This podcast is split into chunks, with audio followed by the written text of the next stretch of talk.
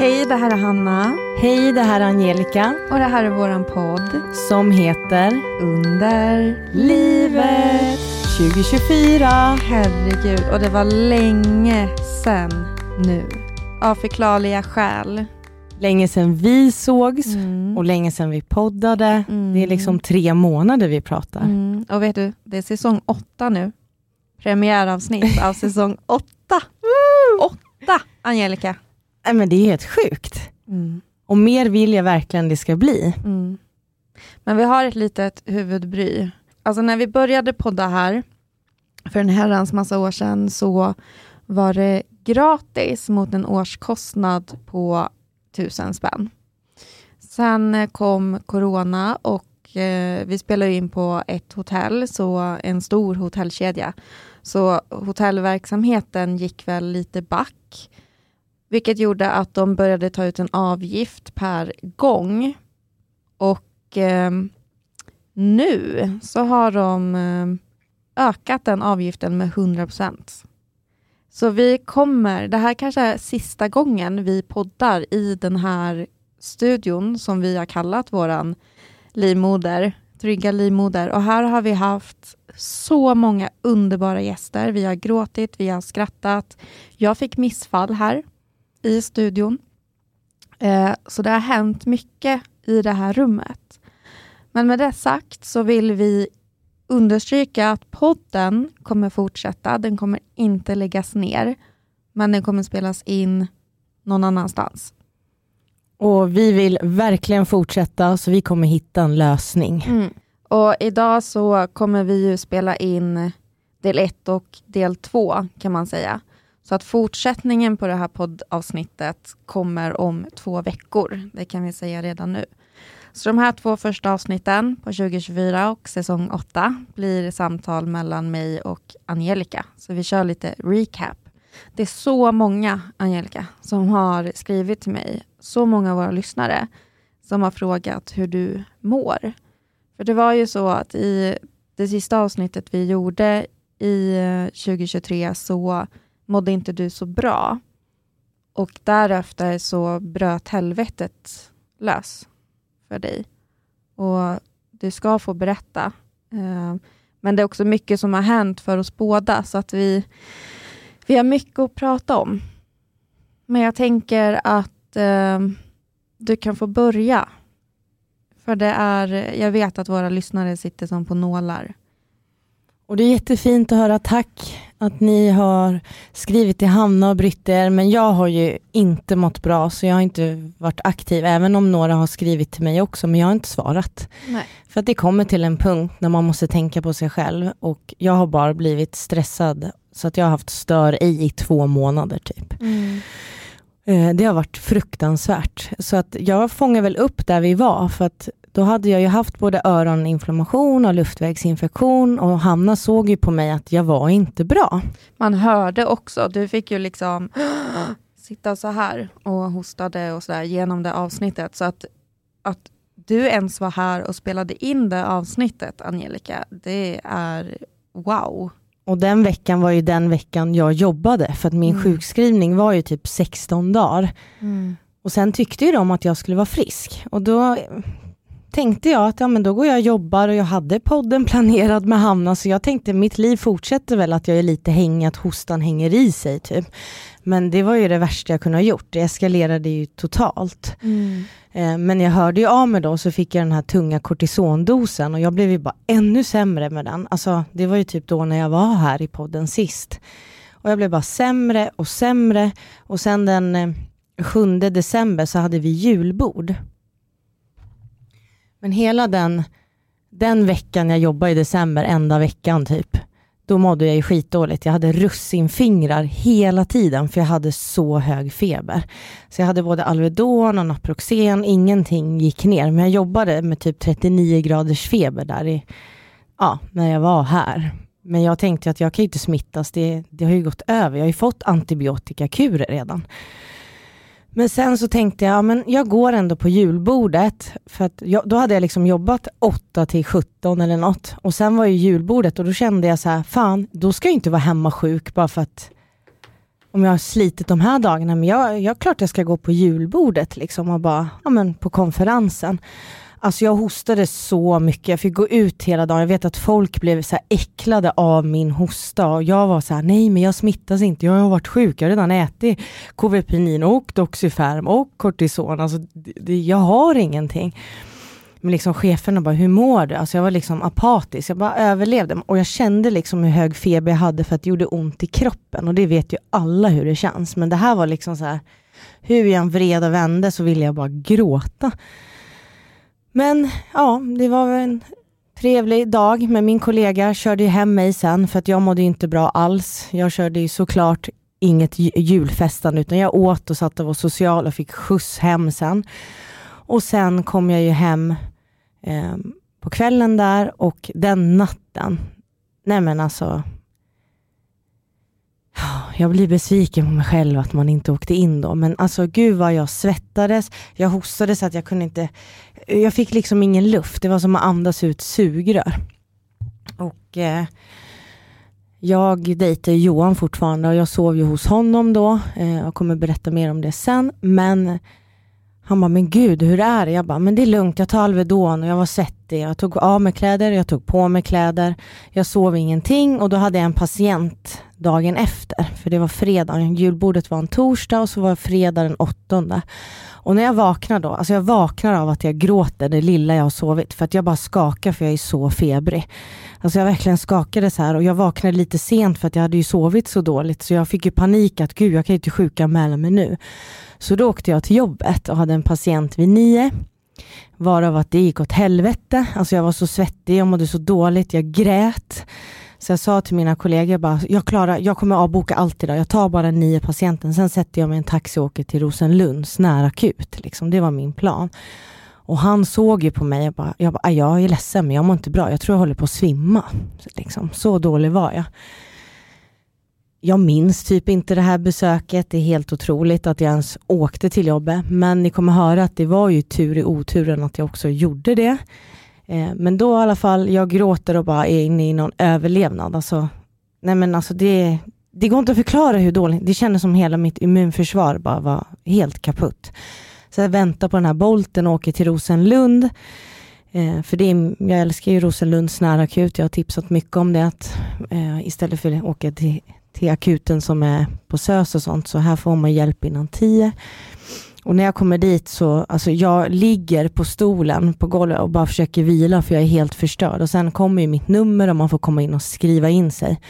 Då bara svimmar jag. Jag kommer inte ihåg någonting. Jag bara pladum, faceplant, liksom har svimmat där tydligen tolv gånger. Ingen minne av det. Jag vet att jag ska in på lungröntgen, jag ska röntga, jag vet inte vad, men jag ligger i en säng, jag får ju hjälp väldigt snabbt. Så svensk sjukvård funkar ju bra när man väl behöver akut. Men jag kunde inte andas, så jag hade ju syrgas. Och sen eh, mellan det här, alltså jag kan säga att det är sekvenser jag kommer ihåg. Och det är då jag har försökt fota lite, för jag vill ju alltid så dokumentera till podden, för att det här är en hälsopodd, eh, liksom man ska dokumentera. Men alltså det var ju verkligen lite jag hade gjort där på Rosenlund. Jag kommer inte ihåg någonting. Jag hade 40,5 grad feber när jag kom in. Jag hade så lågt blodtryck så det var därför jag svimmade. Eh, och jag hade jättelite syreupptagning, så jag hade ju syrgas. Och sen Eh, kom ju en ambulans och hämtade mig till SÖS. Så jag åkte med ambulansmännen och kom in där på akutmottagningen och de bara liksom klippte upp allting jag hade och ja, minns typ inte heller så mycket där. Och de bara, har du någon att ringa? Och du vet, jag, var så alltså jag var så svettig så jag kunde liksom inte, jag bara Åh, typ ringde mamma, hon svarade inte. Ja, då ringde jag Johan. Så fick han liksom ringa runt och berätta att jag behövde att någon anhörig skulle komma för att det var panik och de skrek bara, är du gravid?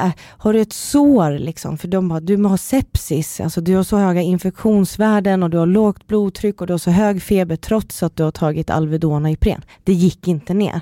Du smsade ju mig eh, med den här syrgasmasken och skrev att de misstänker att du har lungkollaps och eller sepsis.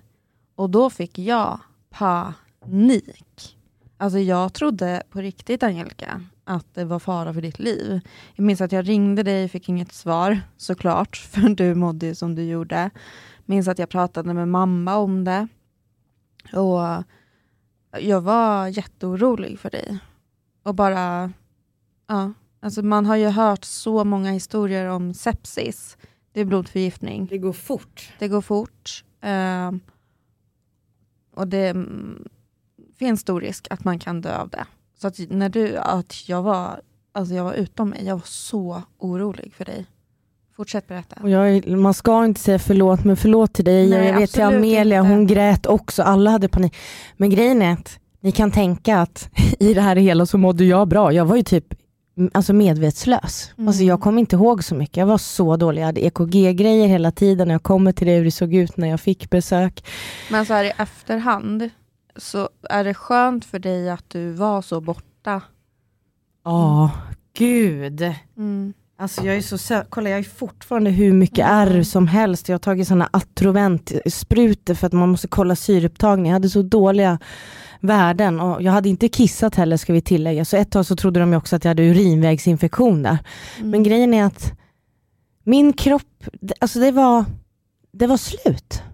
Men du hade EKG och syrgasmasken och de misstänkte sepsis. Sepsis Ja. nummer ett och jag kommer dela journalanteckningar så att ni får följa. Jag kommer klippa ut så att man följer i ordning typ med avsnittet så att ni ser deras oro också. Mm. Eh, men alltså du vet jag bara, gud är det endometriosen? Har jag någon inre blödning? Är det därför jag har fått det här eller?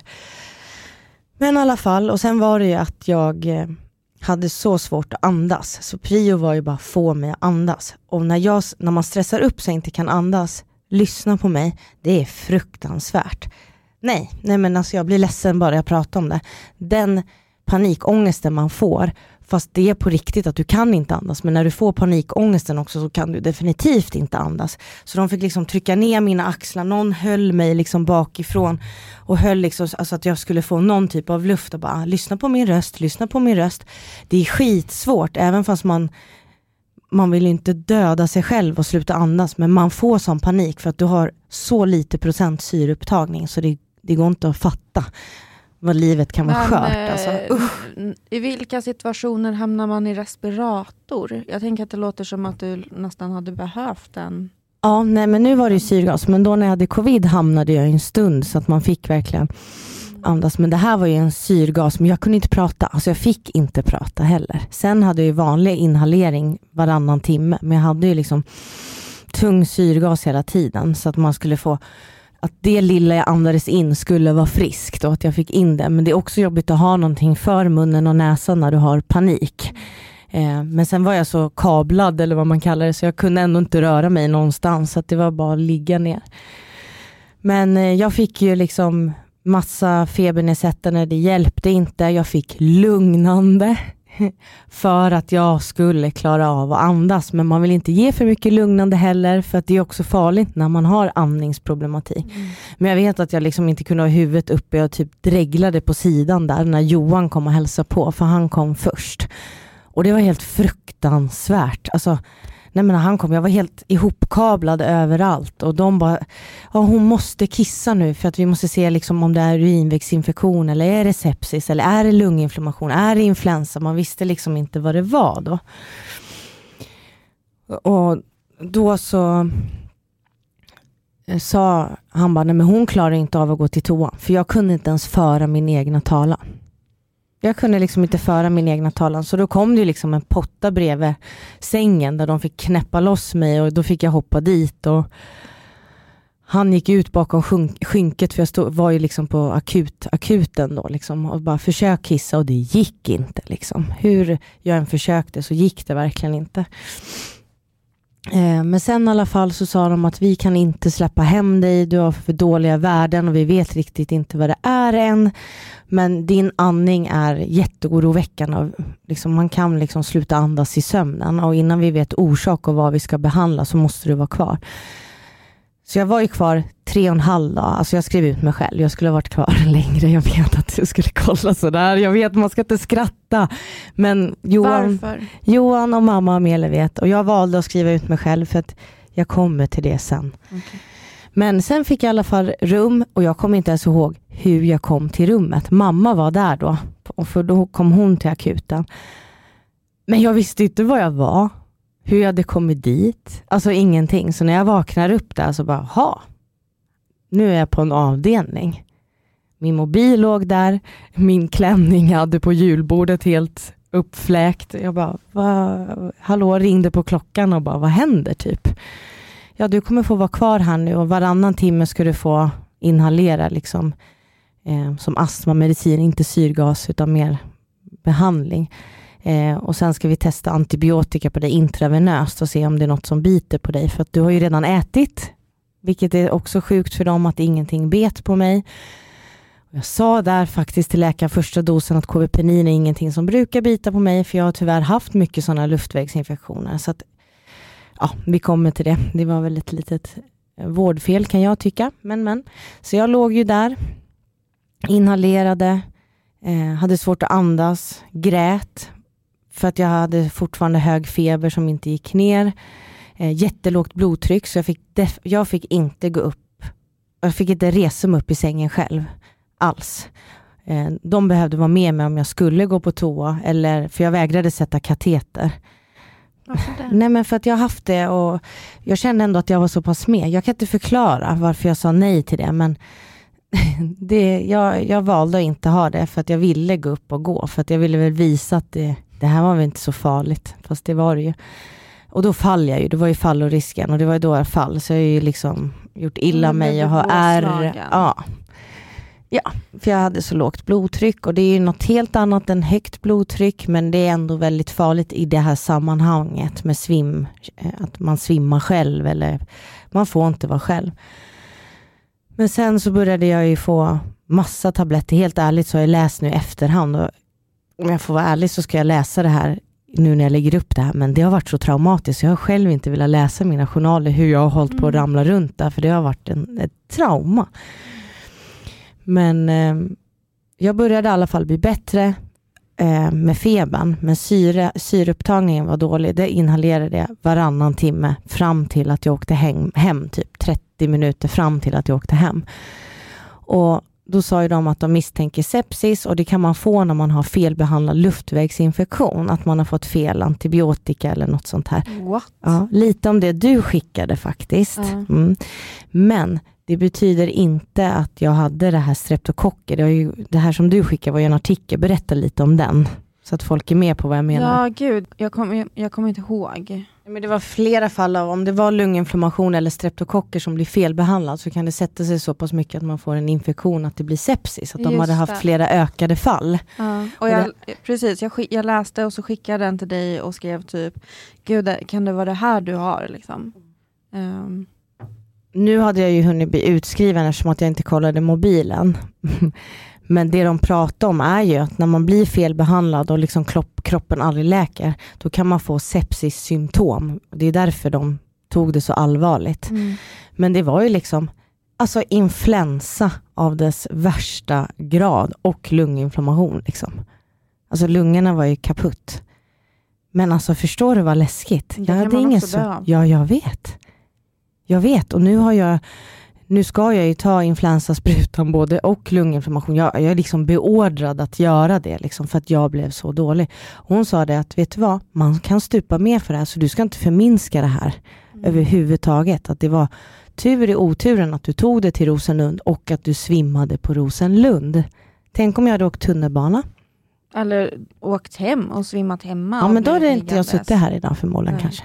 Nu var det inte sepsis hel, alltså det var ju på grund av luftvägsinfektionerna, men tänk om eh, tur i oturen att du är så dum att du åkte in till jobbet, för att många om man ligger hemma i det här, sen om det inte var nu var det ju sepsis-symptom, men min amning var ändå inte... Jag hade förmodligen slutat andas, för hade jag bara gosat ner mig i kudden. Jag hade så lite syreupptagning så att det hade gått åt helvete. Så hon sa, tur i oturen att du är så dum men nu efter det här så måste du börja liksom ta tag i din hälsa och inte förminska dig själv. Liksom, utan känner man fortfarande att man jobbar med 39 grader feber, det är inte normalt. Men det är också farligt att vara fysiskt aktiv när man har feber. Hjärtmuskulaturen och allting tar jättemycket stryk. Jag fick mm. världens uppläxning där nu, så att jag är så rädd Så stanna hemma och då får man då får man åka och skaffa sjukskrivning. Alltså det, det är bara att göra det. Men jag tänkte att jag hade ju varit hemma. Men sen började jag få intravenöst och då började jag ju bli bättre. Det är en sån här liksom, vad heter chock för kroppen, att man börjar mm. bli bättre. Men sen var det ju amningen och de vågade inte släppa hem mig så jag tänkte att jag skulle få åka hem dagen efter och de bara nej, nej, nej. Så tänkte jag få åka hem dagen efter det. Nej, nej, nej, nej, nej. nej det, det är så jävla jobbigt att ligga på sjukhus mm. också. Det är inte en peppig stämning. Nej, och jag, när de kom in till mig så hade ju de alltså visir och munskydd. Så när jag hade besök fick man ha det för jag låg på så infektion för att det var så smittsamt. Att mm. Är man en riskgrupp så kan man faktiskt stryka med liksom, om influensasymptomen. Så att då, ingen fick ju komma in till mig. Jag kommer ihåg att det var någon annan gubbe som gick i korridoren där som råkade gå fel, någon yr gubbe och de bara nej, stängde verkligen för att man inte skulle komma in till mig för att det var sån infektionsrisk. Mm. Men eh, no, eh, inte nog med det. Eh, jag låg ju uppkopplad och låg på rygg med lite, tänkte en liten lutning uppåt och eh, jag har ju endometrios. Mm.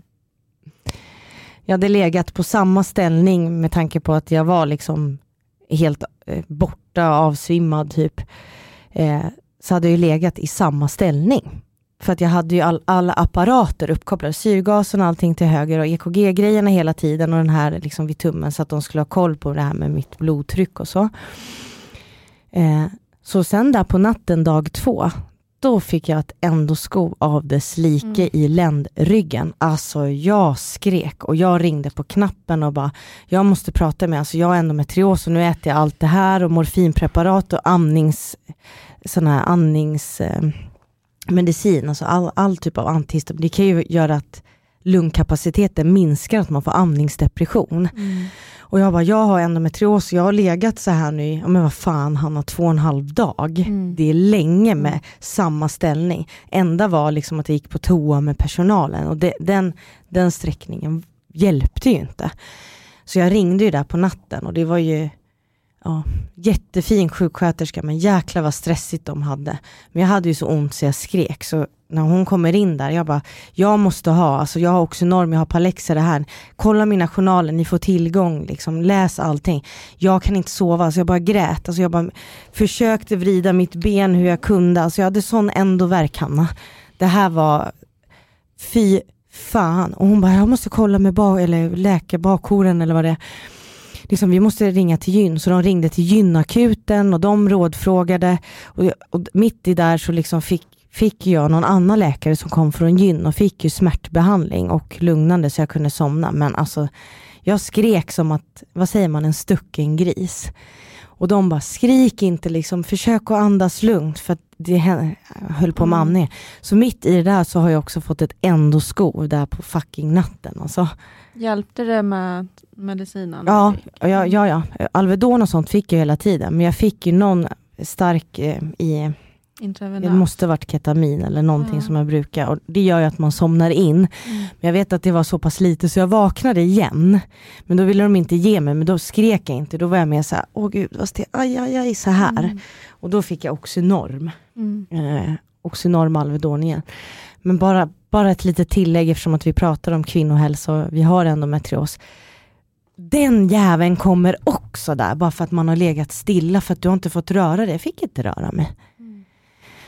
Men sen eh, dagen efter där så började mina värden stabiliseras, infektions, den här CRP började gå ner, jag kanske låg på 30 nu eller någonting, det är ändå mycket liksom, men det var ändå bättre än vad jag hade haft. Och då sa de att, ja, eh, du får stanna en natt till. Och jag bara, nej alltså efter det här med endometriosen, att behöver jag vara uppkopplad? Alltså jag, bara, jag, jag frågasätter inte ett jobb, men måste jag ha de här EKG? Alltså du vet, det bara kröp i mig. Jag ville bara riva loss det här. Jag hade sån inre panik, för jag, jag ville bara lägga mig på sidan, lägga mig i min fosterställning som jag är van. Bara, inte bara för ändon där, men utan för att jag är van att få koppla av. De bara, nej men det kan vi koppla bort. Men du får ha kvar alla infarter och mm. syrgasen måste du ha. Jag bara, men kan inte fråga läkaren, liksom, vad leder det här? Kan jag få åka hem idag? För att jag, jag vill lägga mig i min säng och kan jag andas så vill jag åka hem. För att jag kan ta hand om min endo liksom själv. Jag är jätterädd nu att jag fått skov, för det var skitlänge sedan jag hade ett sånt där. Fy fan. Och Det ska ju tilläggas också att när man får ett sko så vet man ju aldrig hur länge man kommer ha det. För när det väl har blivit så där hög smärta som du hade, då är det ju jättesvårt att, att få ner den. Och ett skov kan vara en dag, det kan vara en vecka, det kan vara en månad, det kan vara ett halvår. Den paniken växer inom mig och det är därför jag delar den med er. För att det var därför jag bara ville skriva ut mig själv. Men det fick jag inte då. Ehm, jag hade också en kurator som kom in där och pratade med mig på grund av att jag hade svamlat om att jag skulle jobba på måndagen där. Så jag fick ett kuratorsamtal. Det är ändå så jävla du. Bara, jag ska jobba. Jag berättade det för Johan, att för han kommer hälsa på mig. alltså hör ni det, alla arbetsgivare Det är jag, jag är lojal hörni. så jävla dum alltså. Nej men jag minns inte, men jag hade väl känt en inre stress och bara, vad ska de tänka nu och bla bla bla bla bla. Jag vet Jag att jag pratar kund, jobb. jag har en patient. Klockan tio. Kommer dit med liksom EKG, syrgas och bara Kommer med min lilla syrgastub som jag drar efter mig som en Dramaten. Nej men alltså så dum i huvudet. Men läkaren sen då, så hon som skrev ut mig, men då kom ju en kurator in där strax innan jag ska få besök av Johan som hälsade på mig varje dag. Och jag bara, ja, vi måste prata kring stress och liksom hur din livssituation ser ut och sådär. bra. Och jävla vad tungt. Det var skittungt men det var jättebra att prata liksom. Vi pratade om stress och sen kom läkaren också in, hon som skrev ut mig och sa det liksom att det är liksom ingen som tackar dig och liksom man måste, när man har lågt blodtryck så det är inget man blir medicera, medicinerad för, men med tanke på hur mycket du har liksom svimmat och ramlat runt och att du har jobbat, hon bara, folk kan inte jobba med 40,5 grader feber, Angelica. Förstår du vad du har gjort mot din kropp? Och för vems skull? Mm. Nej, men alltså det var jättefint samtal och hon skrev den bästa sjukskrivningen jag har fått i hela mitt liv, där det stod tydligt i, eftersom att jag har blivit stressad under min tid hemma sjuk, så har ju mina kollegor och min chef ringt mig. Det är jag ärlig med här i podden, det här är min podd. Jag har liksom inte fått vara sjuk egentligen. Och hon skrev den här andra sjukskrivningen nu med att Angelica behöver tid till vila. Det är viktigt att hon bort, bort, eh, kopplar bort jobb och inte blir störd. För att jag hade ju nämnt det här i samtalet, så hade jag en jättefin sjukskrivning. Men att det ska gå så långt att man måste ha en läkare som skriver det, det är också sjukt. Men ja, det är, en annan, det är ett annat avsnitt i sig. Jag håller mig från att inte kommentera det här. Inga kommentarer säger vi. Men jag eh, blir så jävla förbannad. Och det har jag ju blivit, för du har ju berättat det här. Och då har jag bara känt, bara, i hovet. Nej, och varför ska jag sitta här och ljuga? Jag är så trött på att liksom dra vita lögner för andras skull. Men de störde mig när jag var sjuk. Mm. Och det vet ni nära hur stressad jag var över det. Så att det här hade ju kommit fram då. Så jag fick ju den bästa sjukskrivningen. Och sen skulle jag gå och kolla mitt eh, blodtryck en gång i veckan efter det här för att ha koll på det här. Liksom. Eh, och som tur var har jag ju Capio och gyn, att jag får komma till min läkare Mm. där. Så nu har jag ju varit mycket där av andra orsaker också, men det var ju väldigt smidigt att ha en god kontakt och få följa upp lågt blodtryck där, eftersom att vi har också de här ho- hormonbehandlingarna som man har. Men sen i alla fall så skrev jag ut mig själv och hon sa att kommer du eh, ha någon som möter dig hemma? ja, sa jag. Nej. Vad var det ärliga Det var, ingen, det var ingen som jag hade planerat med att möta mig, varken mamma eller då Johan. Som jag, Angelica Hackala. ja, men jag, och då kom ju hon sköterskan som hade varit där, man lär ju känna dem ändå lite så under kort tid. Hon bara, är det någon som möter dig nu när du går? För du vet ju inte ens vad jag är, eller vad du är. Jag bara, vad är det? Hon bara, alltså jag visste inte ens vilken våning och jag ska gå själv i de här jag vet att när jag hade besök att de bara, du ligger jättelångt borta och högt upp liksom. De bara, du vet ju inte ens vad det är. Jag bara, men det är lugnt, jag tar en Bolt. Är det någon som kommer och möter dig? Ska vi ringa och boka taxi? Vem är det som kommer och möter dig? Alltså de fick liksom dra ur med det här. Sen fick jag ju ringa Johan och bara, skulle du kunna komma hem till mig idag för att jag får inte vara ensam med tanke på fallrisk och att jag har skrivit ut mig själv. Liksom. Att jag hade fått stanna en natt till men att jag valde själv. Och han bara, ja, när blir du utskriven? Så att, ja. Jag lunkade mig på, jag var fett yr när jag gick i korridoren. Hur, och de, hur sakta gick du? så sakta så det finns inte, jag visste inte ens att jag Det kunde gå kröp. så. Jag höll mig i alla kanter och det och jag frågade folk på vägen för att jag visste inte, alltså det var så långt. Och sen satt jag Du där. skulle haft en rullstol. Jo, men jag tackade nej till den. För då skulle ju hon köra mig. Ja, hon, alltså det är på riktigt. Det är så här knäpp jag är och jag kryddar ingenting. De tänkte köra mig, men jag bara, jag klarar mig. Jag hade full packning, för jag hade jobbat också och sovit borta, så jag hade ju hur mycket packning som helst. Åkte hem i så här aslånga sjukhustrosor och strumpbyxor, för det var ju det jag hade haft på julbordet, så jag hade som en blöja. Jag kommer hem, Johan kommer sen och liksom tar hand om mig med mat och allting och bara vila. Och där var det. Sen var jag hemma. Eh, riktigt. Vilket datum var det du fick komma hem? Jag åkte in åttonde, ni, åttonde nionde, elfte eller tolfte blir det för det var tre och en halv. Elfte eller tolfte måste det vara, måndag, tisdag. Och sen var jag ju hemma och mådde fortfarande inte bra. Eh, inhalerade stup i kvarten och sen när jag började må bättre så fick jag underlivssvamp och jag fick herpesskov i hela fucking ansiktet. Eh, det är immunförsvaret som brakar loss. Så då fick jag ju ringa läkaren och fråga, kan jag ta de här tabletterna jag brukar göra för både svampen och det? Alltså det är verkligen, mitt immunförsvar sa till mig nu att jag vet inte om det här är något, gud vad jag låter andlig och sådär nu eller trogen. Kör på. Men var det liksom en varningsklocka från ovan att jag var tvungen att bli så här sjuk för att förstå att jag måste stressa ner? För det här var liksom hela mitt immunförsvar slogs ut. Vet du Angelica, det var morfar. Det, det var han. Hej Matti. Mm.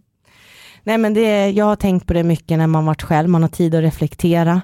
Det är också därför jag inte har svarat folk, för att för en gångs skull så har jag behövt ta hand om mig själv. Jag har bara fokuserat på att mamma har kommit med mat, Johan har kommit och handlat, Amelia har ringt efter jobbet. Man måste dra, sluta cirkeln mindre då, eh, för man har ingen energi. Mm. Men sen började det väl bli bättre eh, och sen jobbade jag ju andra veckan i januari igen. Då. Mm.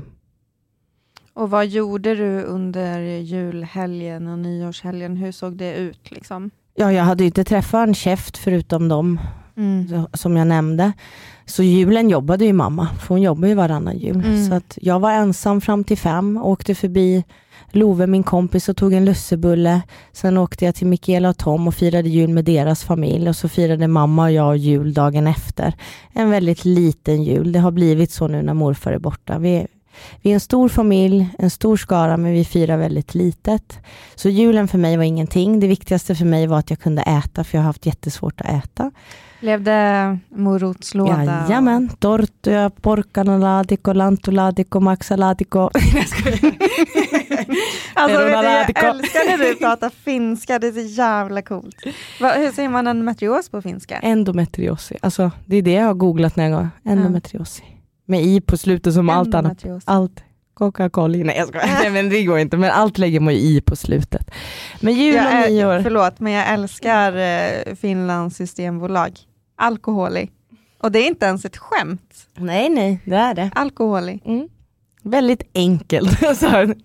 Alla ska hitta dit. Nej men jag kan säga så här, tacksam för nyår, jag firade med Love, eh, för hon fyller år. Men alltså november, december, evigt tacksam att jag har träffat Johan. Det är det enda jag kan sammanfatta det här årets slut med.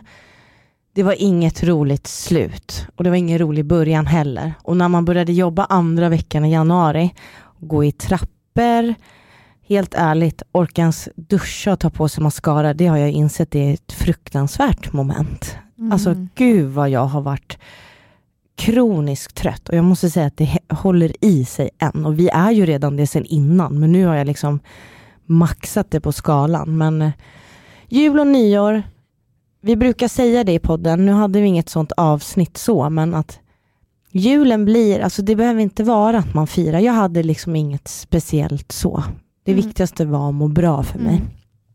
Eh, ja, men hur, hur mår du idag då? För nu är det, vad är det för datum? Det är 29 januari, tror jag. Eh, hur mår du idag? i måndags så vaknade jag av att jag kissade och liksom det, kom, det såg ut som blod i urinet och det gjorde så jävla ont. Och då har jag ju lärt mig nu, jag måste ju vara den bästa Eh, för mig själv och jag sa ju det att efter det här som har hänt nu i jula så måste jag börja lyssna till på kroppen. Det är bara att ta ledigt på jobbet för läkarbesök.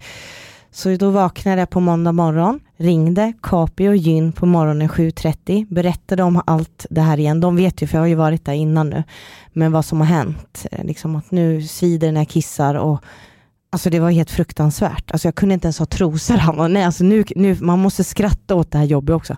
Men jag gick så här bredbent för att jag kunde inte ens skava mot mina egna Ja. lår. Ja. Det brände och allting. Så hon bara, du får komma in 9.40. Mm. Så då ringde jag jobbet och bara, mm, jag kommer in 10.30 idag, jag har fått en tid 9.40. Jag åker inte till jobbet innan, jag har så ont så jag måste åka dit. Så nu har jag fått eh, eh, kronisk svamp och det jag har ju redan det sedan innan så här, i skov, men nu kan man ju få det när man äter så jävla mycket antibiotika. Så nu har jag fått behandlingsschema här, eh, fyra veckor mot svamp i underlivet, morgon och kväll. Och så har jag tagit en dos första dagen i måndags och sen i onsdags. Eh, de gjorde en gynundersökning och trodde att jag hade fått vestibulit. Åh fy fan. Hanna, tror jag blev, jag bara nej, alltså jag bara in, nej, alltså jag fick nästan som den här inre paniken igen, nej jag orkar inte. Så de tittade i sprickorna liksom och bara, nej men det här är alltså, det är nog svamp så jag måste gå på den här fyra veckor till och ha tagit tabletterna. Sen ska jag dit nu på fredag igen, 11.40. Den 2 februari 11.40 ska jag dit igen eh, och kolla vad det här är. Mm. Jag hoppas fan inte det. Och hon sa det att, ja men gud är det herpes i underlivet eftersom att du får sådana väldiga skov i ansiktet. Mm. Men jag har testat mig för könssjukdomar, jag har ingenting. Så Mm. att det var ju inte det. Så nu får vi se på fredag vad domen blir. Om jag ska ha en kronisk svamp för resten av mitt liv eller ha vestibulit att det är i slidöppningen. Ja, fy fan. För de som inte vet vad Ja, vestibulit är så är det ju det är nervtrådarna i underlivet som kopplar fel med undantag för att eh, jag säger fel nu. Eh, Nej men säg bara, vi har ju... Vi har ju, och det, det gör ju att eh, man har eh, helvetesmärtor helvetessmärtor i underlivet.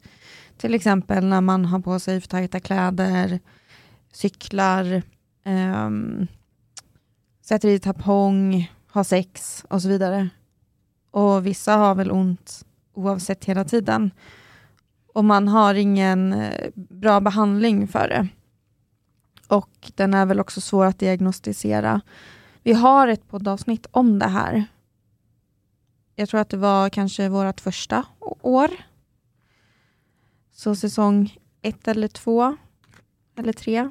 Eh, om man vill eh, lyssna mer på vad en vestibulit är. Men det är absolut ingen diagnos man vill ha.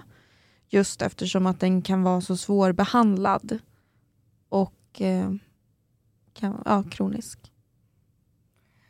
Och precis det som Hanna sa så kan jag bekräfta att du har ju helt rätt med tanke på det du sa nu. För när, då, när jag kom dit i måndags då hade jag tajta jeans. Jag brukar ha sådana slim jeans, jag gillar det. Och hon bara, har du de där varje dag? Jag bara, nej, men jag hade dem idag. Liksom. Jag har ju hört det här förut eftersom att jag har problem med svamp och sånt, att jag ska ha lite lufter eller sådär. Det låter sjukt, men det påverkar. Alltså det gjorde så ont och hon bara, du har väl inte spetstrosor? Nej, för det gör också att det irriterar mycket. Jag har jättesnygga bomullstrosor, absolut. Jag älskar dem, fan vad jag älskar dem. Nej men alltså det är verkligen hemskt för att jag kunde inte gå. Alltså, jag kunde, det sved hur jag gjorde liksom. Och, och då sa ju hon att köp sådana oljetvål och sånt där. När du duschar nu. Eh, Så får vi kolla nu på fredag hur det ser ut i sprickorna. Men hon tog no- alltså Hanna, Aj, aj, aj, Hanna. Hanna, Hanna. Tänk dig, jag kollade ju själv med spegel. Alltså det ser ut som en katt har rivit in i muttishålet. Där ska de skrapa liksom och Ah. kolla om det... Ah, nej, nej, men alltså, Aj, aj, aj, aj, aj, aj, och så bara. Jag vet att jag höll min hand på magen, för jag vet, det är en sån trygghet jag har när jag har ont och skov ibland. Jag håller mig för magen bara för att, ja men här är det ont. Och då tog hon upp och höll den ena handen för att hon såg hur ont det gjorde och så drog hon med ena. Alltså det gjorde så fruktansvärt ont. Det går inte ens att beskriva den svedan. Aj, aj, aj, aj, Så vi får se nu. Men jag kan säga, min kropp, återigen, alltså det är fucked up alltså. Men nu är jag här på, behandling, eller på den här behandlingen, jag visar den för Hanna och jag kommer dela lite med i skrift och lägga upp och man får fråga mig saker om man undrar. Nu har jag ju bara pratat ur hjärtat precis som att jag skulle ha träffat Hanna på en fika. För det är så våran podd går till. Men så här har helvete 2023 avslutats och 2024 började ju inte heller bra. Men eh, så har det varit. Men om det börjar dåligt så, så blir det bättre, tänker jag. Ja, jag det. man inte? Nej men alltså vågar man ju hålla med? Nej men alltså, och det sjuka är med dig och mig, vi pratar ju om endometriosskov och så här, men du och jag, vet du vad vi är tillsammans? Vi är ett skov, du och jag. Nej men vi är det. För om den ena börjar få någonting, då kommer den andra tätt inpå. Man brukar säga att nära vänner har mens och så samtidigt. Mm. Tack för den, vi är typ varandras voodoo-dockor liksom. Nej men alltså det, erkänn, vi har haft det så mycket otur. Du har Ja. fått det och då fick jag det och sen fick du det. Amen.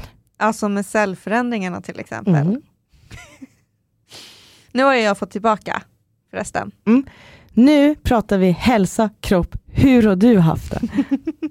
Om vi ska prata kroppsligt så har ju jag börjat på en ny behandling.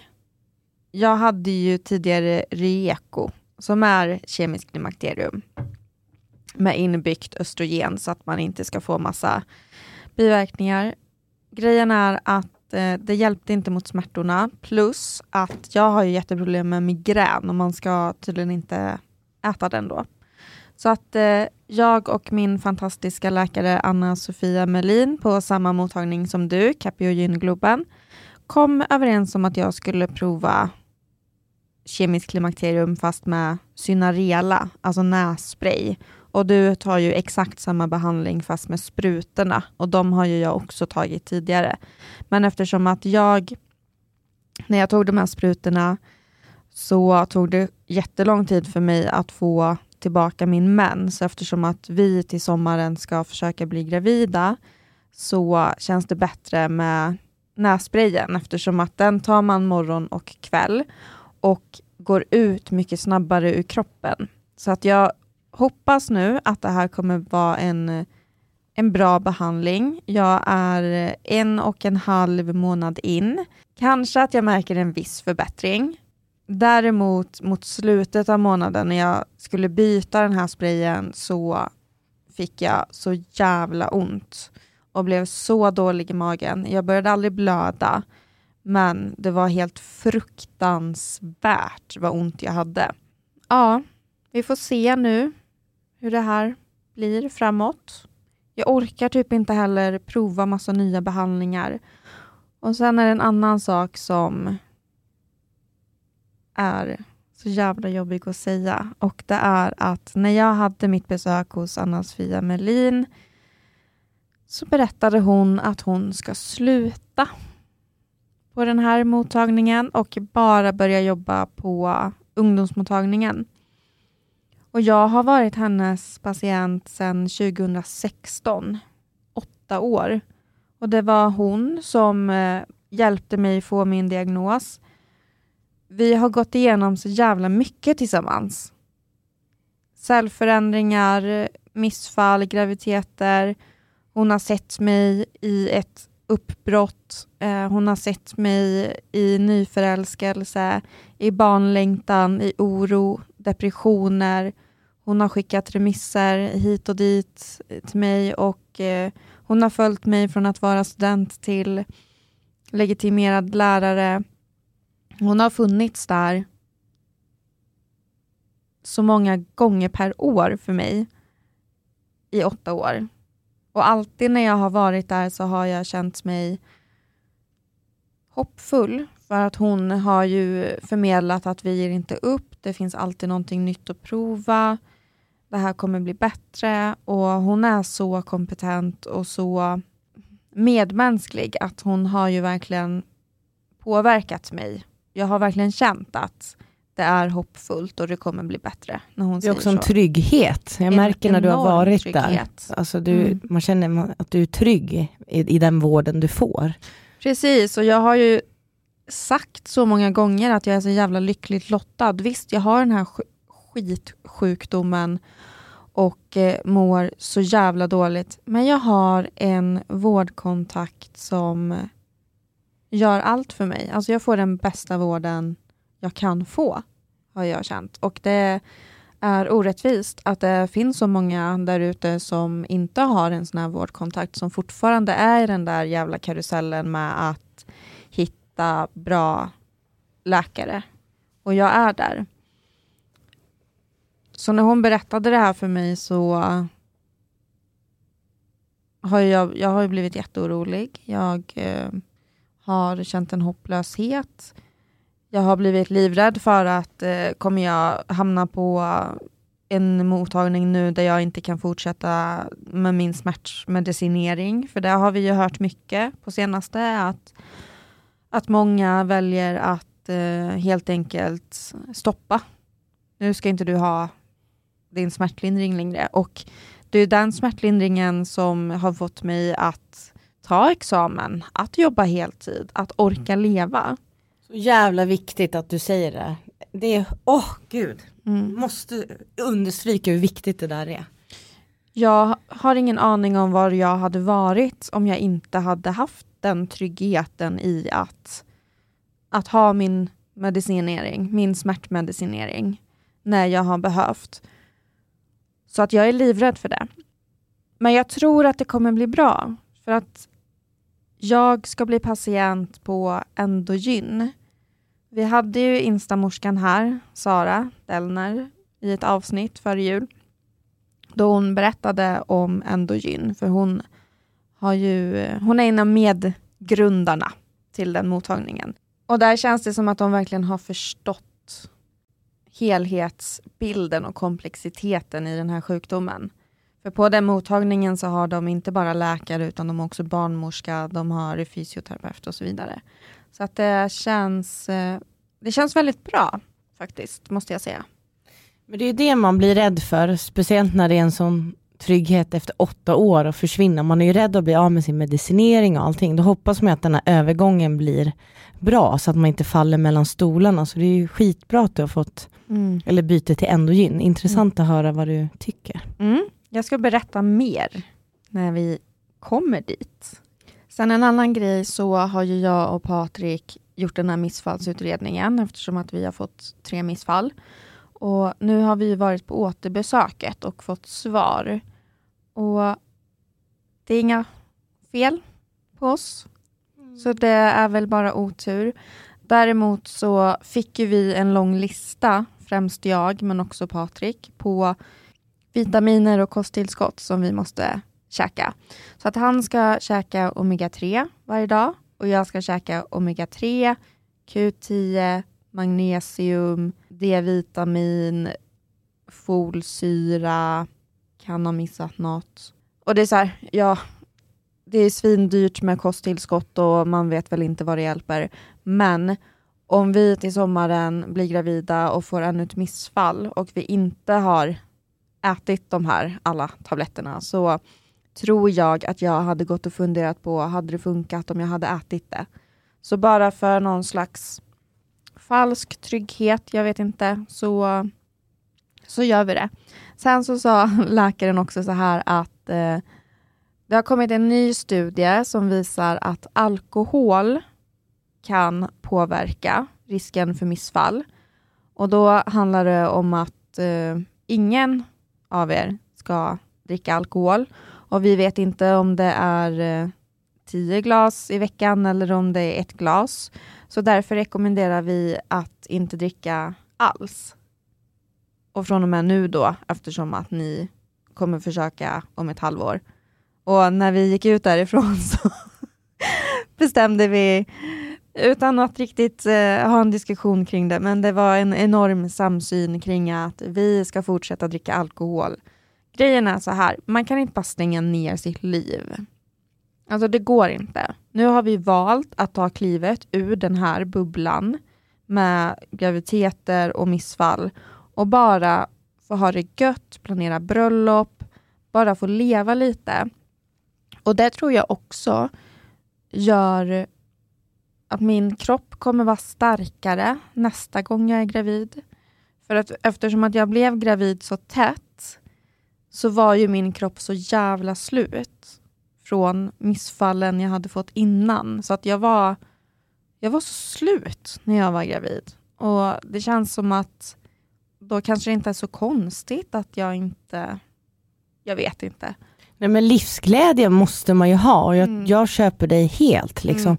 Det var en så mörk period, även fast mm. det var något fint och, liksom, och du var gravid. Men du måste ju leva också. Jag tror mycket på det här mindsetet som du säger, att man måste också liksom lägga tid på varandra och leva och ha kul, inte bara gå efter de här rutinerna Nej. hela tiden. Och vet du, när, när jag mådde som värst, då kom Miley Cyrus med den här låten Flowers.